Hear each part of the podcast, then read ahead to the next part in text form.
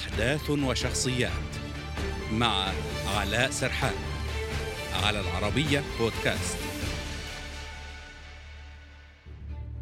السباحة عكس التيار. هذه المرة ليس المثل المعروف بل تطبيقه في الطب.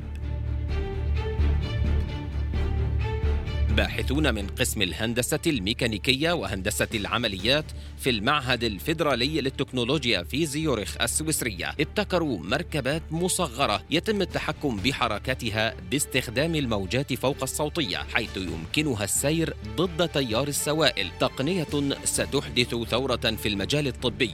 لأن هذه المركبات تعتبر صغيرة بما يكفي للتنقل داخل الجسم للسير ضد تدفق تيار الدم ما سيمكن الأطباء من أخذ الخزعات من الأوعية الدموية وإدخال الدعامات وتوصيل الأدوية بدقة للموقع الذي يصعب الوصول إليه. كل ذلك يتم داخل الجسم. الابتكار ينعش الآمال في خدمة عدد من التطبيقات الجراحية المجهرية المحتملة مثل انسداد الشرايين. كما يمكن استخدام المركبات الدقيقة في المستقبل لتوصيل أدوية السرطان عن طريق الأوعية الدموية وإطلاقها مباشرة في أنسجة الورم.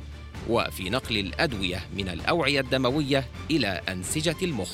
وكان باحثون حول العالم طوروا في السابق مركبات مصغرة يتم تشغيلها بواسطة مجال صوتي ومغناطيسي أو باستخدام الضوء إلا أنهم واجهوا تحديا كبيرا في دفع هذه المركبات المصغرة ضد تدفق تيار السوائل. وذلك حتى يتمكنوا من استخدامها للسير ضد تيار الدم في الجسم.